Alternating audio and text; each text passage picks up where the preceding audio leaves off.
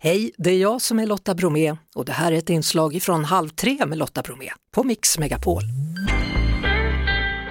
Om du tittar tillbaka på det här världsmästerskapet, vilken fotboll har spelats tycker du? Det har varit väldigt blandat, eh, men det börjar ju eh, väldigt försvarsinriktat tycker jag rent generellt. Det är inte så konstigt för man hade bara en veckas förberedelsetid och många spelare som kom in ganska slitna. Och då blev det nog att man börjar med att säkra upp ett försvarsspel så det var ganska målsnålt. Och sen har vi vissa lyft sig efterhand. Några matcher var det där det var fyrverkeri såklart med många mål men, men generellt sett ganska småsnålt. Som alltid Ofta är det så att de som är bäst i början på ett mästerskap är inte alltid de som är bäst i slutet. Utan det pågår under så lång tid som man hinner liksom utvecklas. Och till exempel Argentina då, som är i finalen och förlorade första matchen mot Saudiarabien. Det, det har man nästan glömt nu ju. Mm.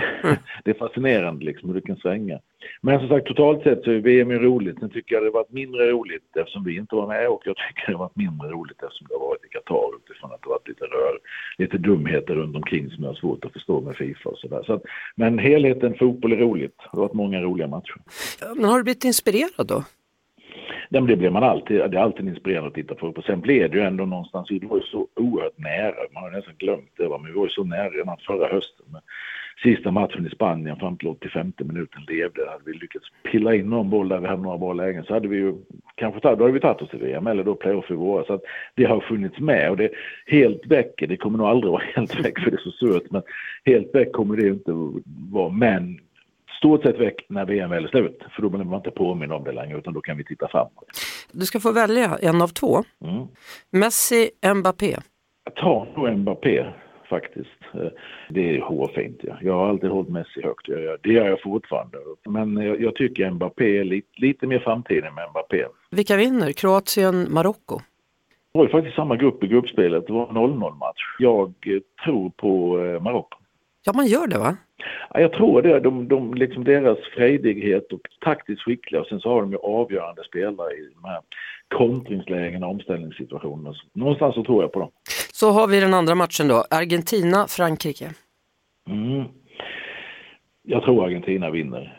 Jag tror att eh, vi var inne på Messi, att han kommer leda styrkorna hela vägen nu. Det har varit många mästerskap där det har VM som har hängt på hans axlar liksom mm. innan och de har inte riktigt lyckats. Så nu, nu, känns det som att de är mogna för att, för att ta hem det. Så att eh, ja, jag, jag tror på Argentina.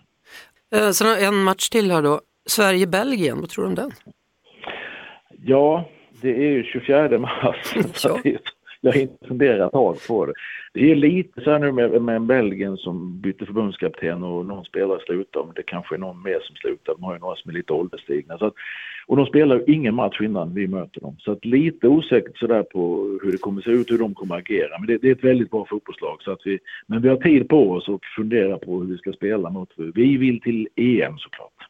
Då har jag bara en fråga kvar. Hur ska du fira jul?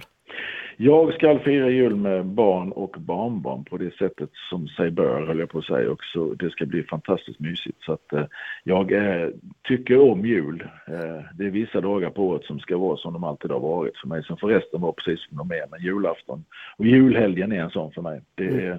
Jag gillar jul. Är, är, du en sån som alltid går ut och köper tidningen på julafton? Eller? Nej, men snart får jag göra det för barnbarnen börjar bli så stora så jag, kommer, jag åker väl på det så småningom. Men jag tror jag klarar mig. Det, det, det är ingen som har sagt till mig än i år i alla fall. Men det, det kommer. komma. Ja. Det kommer. Ha en riktigt god jul Janne och eh, hoppas att vi får se två fina matcher i helgen här. Ja, det hoppas vi. Tack så jättemycket och tack detsamma. Hej! Tja, hej, hej. hej. Halv tre med Lotta Bromé på Mix Megapol.